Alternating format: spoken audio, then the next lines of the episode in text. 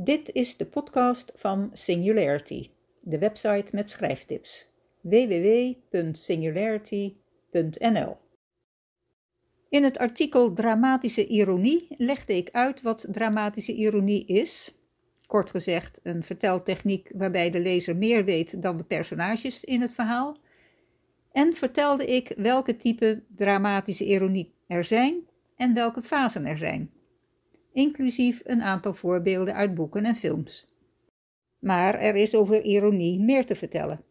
Bijvoorbeeld over situationele ironie. Bij situationele ironie verwacht je lezer dat er iets zal gebeuren, en er gebeurt ook wat, maar wel iets heel anders dan wat je lezer dacht. Het verschil met dramatische ironie is dat daar de lezer de werkelijkheid kent, maar de personages die niet kennen terwijl bij de situationele ironie de lezer volkomen verrast wordt als de werkelijkheid zich openbaart.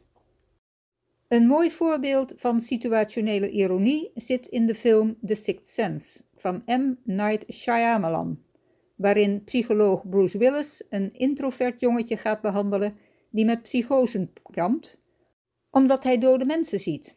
I see dead people.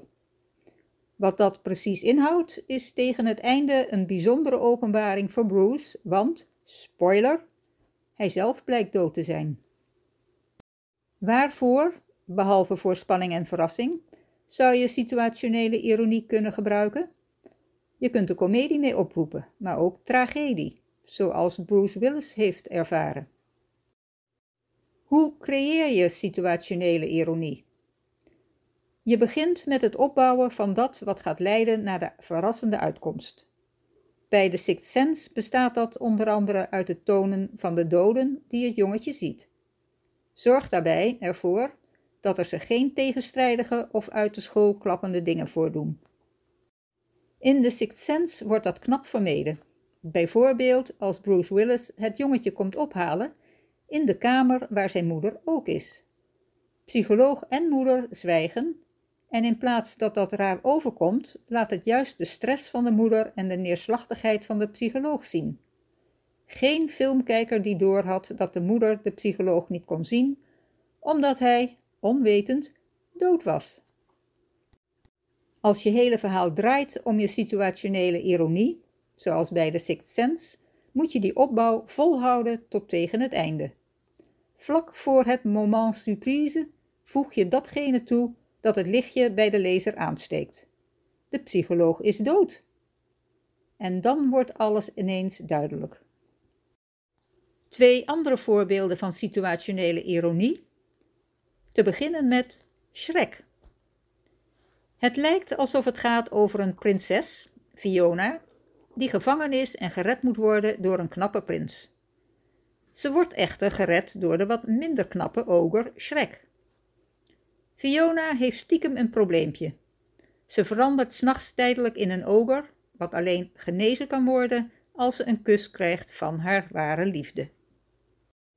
Lo and behold, laat dat nou na wat vriendelijke ruzie en gekibbel schrek blijken te zijn? Wat Fiona definitief een oger maakt en het koppel heel gelukkig. En dan Get Out. De Afro-Amerikaanse Chris gaat voor het eerst met zijn witte vriendin haar ouders bezoeken. Daar valt het hem op dat de zwarte bedienden eigenaardig gedrag laten zien.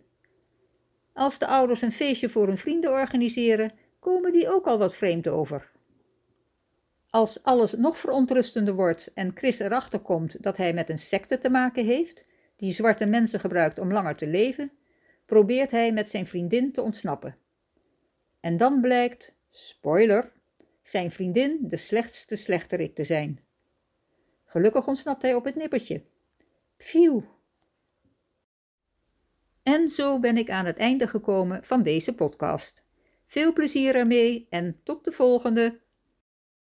Oh ja, vond je het leuk? Heb je er wat aan? Maak me dan blij door het te delen. Dank je wel.